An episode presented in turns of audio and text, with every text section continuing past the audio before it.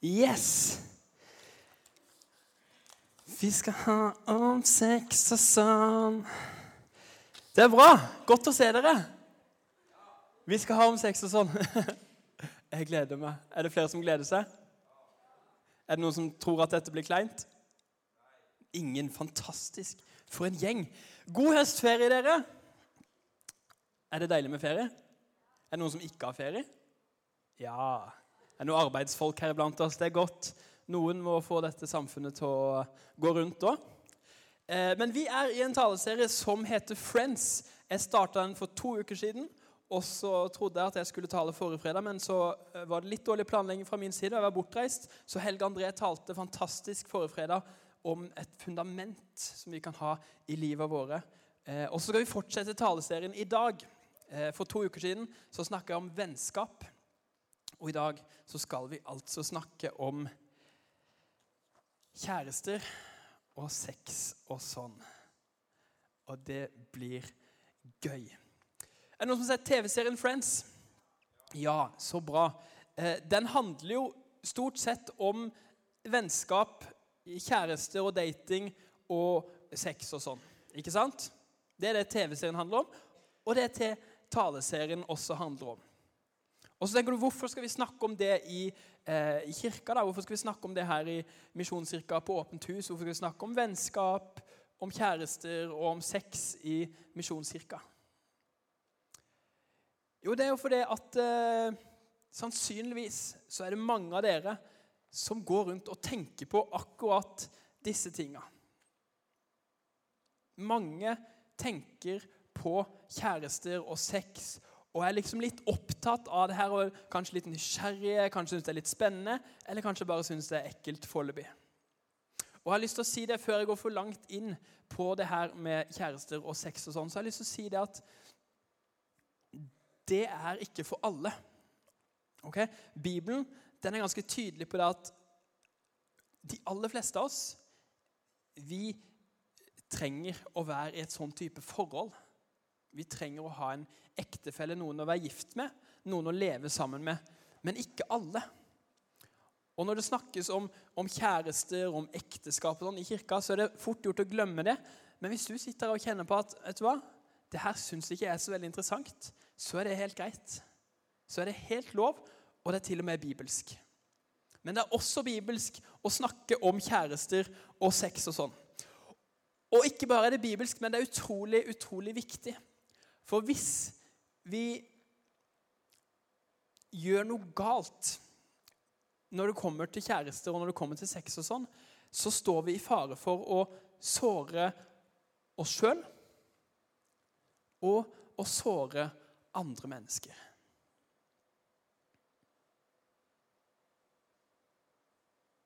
Derfor snakker vi om det her. Derfor er det her utrolig viktig. for det. Jeg tror ikke det er noen her inne som har lyst til å verken bli såra sjøl eller til å såre andre mennesker. Og så gjør vi ikke det med vilje, men kanskje vet vi ikke helt hva som er rett og hva som er galt, og kanskje vet vi ikke helt hva som er godt for oss, og hva som ikke er godt. Det skal vi snakke litt om i dag, og vi starter med sex. Let's talk about sex, baby.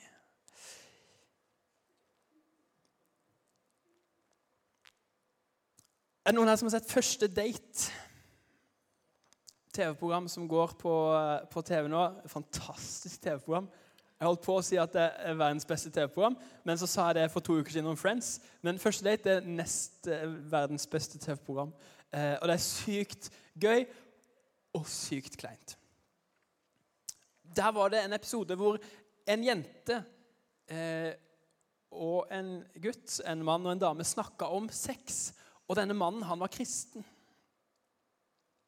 Og denne dama syns at særlig det her med sex og det å ikke ha sex for ekteskapet, det var litt vanskelig å forholde seg til. Hun mente det at man må jo prøvekjøre bilen før man kjøper den. Det var hos sitt argument til hvorfor man skal ha sex før ekteskapet. Man må jo prøvekjøre bilen før man kjøper den. Skal jeg si dere noe veldig skremmende? Hun er ikke den første jeg har hørt som har sagt akkurat det. Er det flere som har hørt noen si det, eller noe lignende? Ja, det er faktisk noen som har hørt noen si noe lignende. Man må prøvekjøre bilen før man kjøper den. En flott metafor om sex. Og så skal jeg straks fortelle dere hvorfor den ikke er så veldig flott allikevel. Og hold dere fast nå. Nå kommer det noe du kanskje ikke var helt klar for, eller klar over. Er du klar? Du er ikke en bil. Ok, Det visste du kanskje ikke, men du er ikke en bil. Og sex er faktisk ikke prøvekjøring. Dette er en elendig metafor på alle, alle som helst mulige måter. For du er så uendelig mye mer verdifull enn en bil. Og sex er så uendelig mye mer enn bare prøvekjøring. Og så skal jeg ikke si så mye mer om akkurat det sitatet der, for som sagt, du er ikke en bil, og det her er faktisk ikke relevant for oss. Men så har jeg også hørt det at ja, men sex det kan jo redde et forhold. For hvis man har god sex, så har man en god relasjon. God sex gir god relasjon. Er det noen som har hørt det før? God sex gir god relasjon. Enda en ting du kanskje ikke visste. God sex gir baby. Det er det sex gir. ikke sant? Det har jeg erfart. Eh, sex fører til baby. OK? Men, men også i tillegg så stemmer ikke det sitatet her. For det Vi kan jo prøve å snu litt rundt på det. Hvis vi heller sier at en god relasjon gir god sex, så tror jeg vi er inne på noe. For Gud, som har skapt sex Han mente ikke at det skulle være noe sånn her relationship savior. At det skulle liksom redde forholdet til folk. Ah, ja, nå sliter de litt. Men hvis de bare har god sex, så ordner det seg. Det er ikke sånn sex var ment å være, og det er faktisk ikke sånn det fungerer i praksis heller. Men det som forskning faktisk viser, det er at en god relasjon, det gir god sex. Og hva er da en god relasjon? Jo, jeg tror at en god relasjon det er en relasjon prega av kjærlighet til hverandre og trygge rammer rundt den relasjonen. Og da tenker jeg på det som så fint heter ekteskap. Da kan vi snakke om god sex. Erfaring er faktisk ikke det viktigste. Mange tror det. Men forskning viser at det er forholdet som er det avgjørende for hvordan sexen blir. Og Nå skal jeg ikke snakke så mye mer om god og dårlig sex.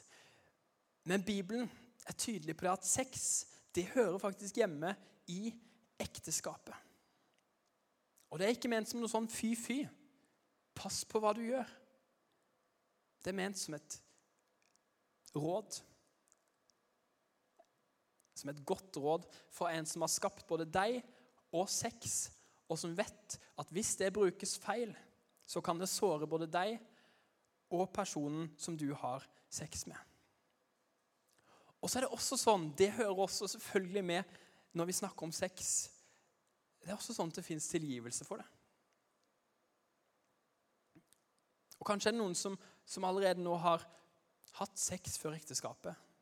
Eller gjort noen ting som eh, har vært litt over streken, eller sett på noen ting som har vært litt over streken, og så sitter vi med dårlig selvfølelse, så sitter vi med en skam og en følelse av at nå er det ingen vei tilbake. Men Gud tilgir. OK?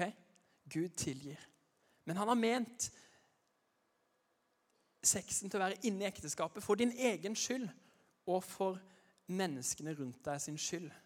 Der er det trygt, og der er det bra. Ok? Men så er det jo en del ting som skjer da før vi kommer til ekteskapet. Man må jo ofte date litt og kanskje til og med være kjærester. I Bibelen så står det at man skal vinne sin kone, eller vinne sin ektefelle.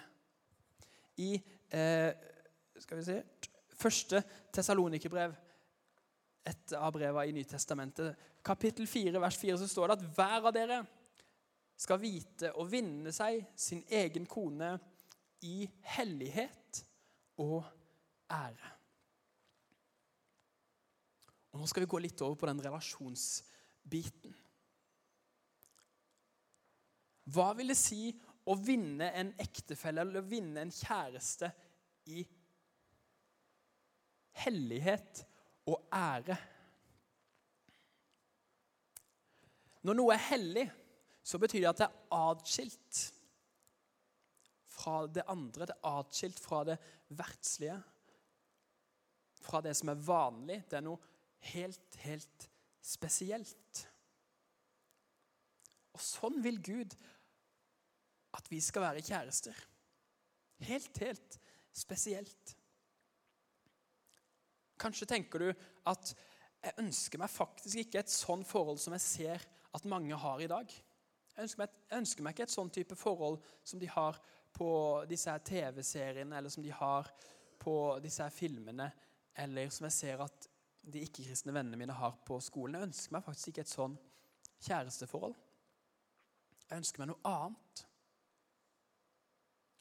Da tror jeg Gud sier at ja, men da må du vinne kjæresten din på en litt annerledes måte. For hvis du gjør alt som alle andre gjør, så kommer forholdet ditt også til å bli sånn som alle andre sitt forhold. Og hvis du vil ha noe annet, hvis du vil ha noe bedre som Gud har for deg, så må vi også gjøre noe annet. Og så skal vi vinne hverandre i ære. Og når vi snakker om ære, så snakker vi om en sånn verdighet. Det handler om din verdi, og det handler om verdien på den du eventuelt dater. Er det noen her som, som har kjæreste? Kan jeg se noen hender i været? Ja, det er noen som har kjæreste. Er resten her single? Ja, ja, det er noen singler, ja. Hva vil det si å være kjærester?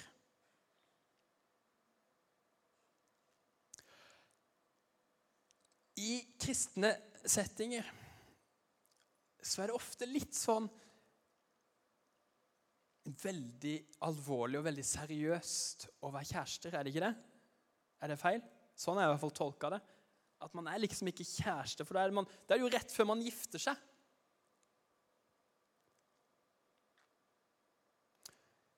Men jeg tror det å være kjæreste handler om å være sammen med en du er glad i.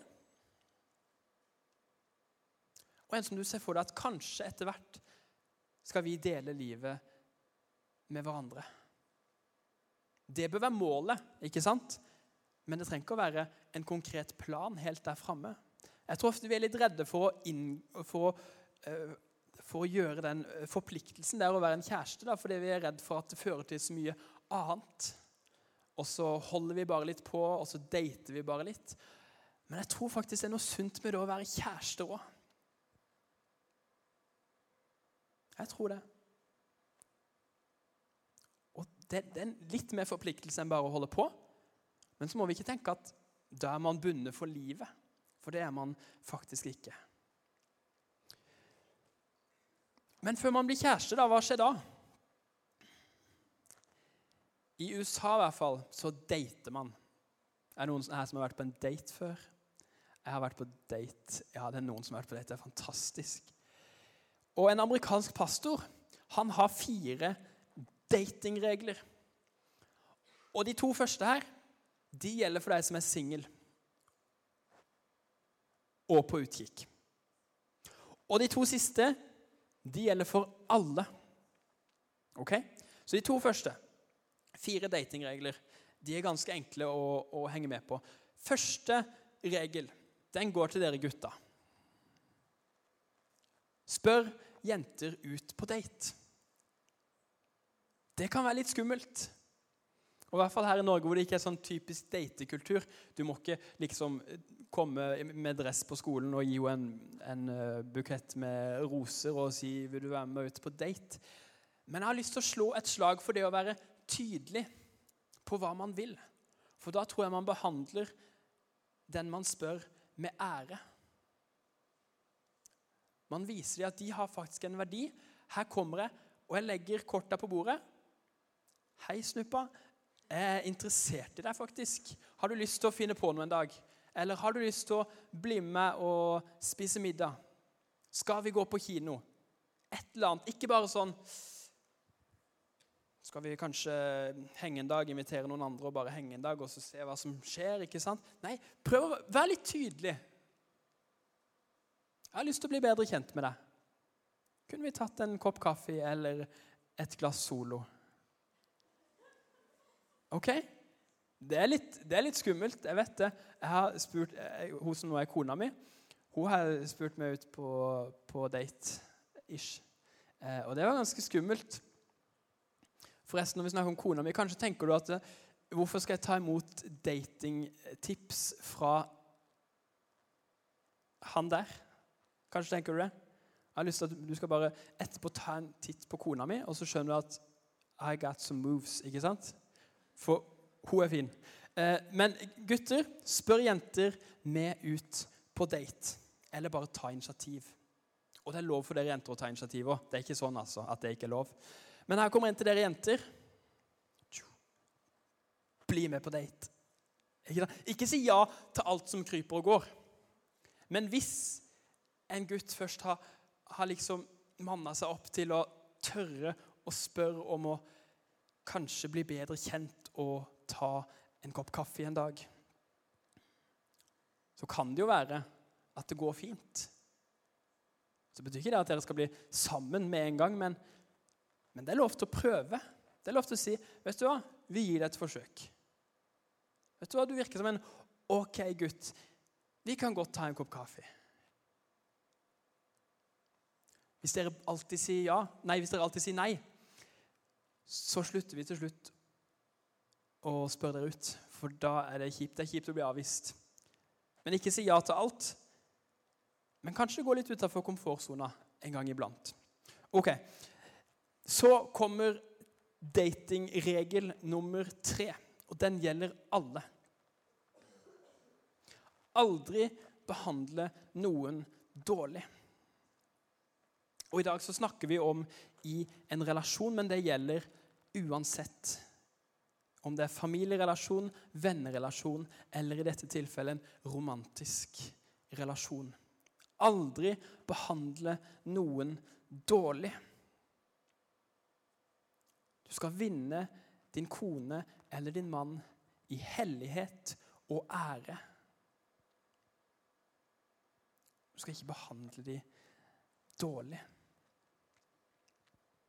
Og så kommer nummer fire, og det er den som er akkurat like viktig. Aldri tillat andre å behandle deg dårlig.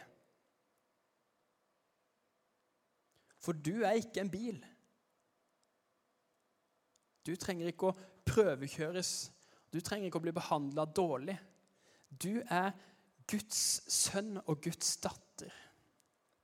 Høyt elska uendelig verdifull, og du fortjener å bli behandla deretter. Ikke tillat andre å fortelle deg noe annet enn at du er viktig, vakker og verdifull. For det er sånn Gud som har skapt deg, ser på deg. Aldri tillat andre å behandle deg dårlig.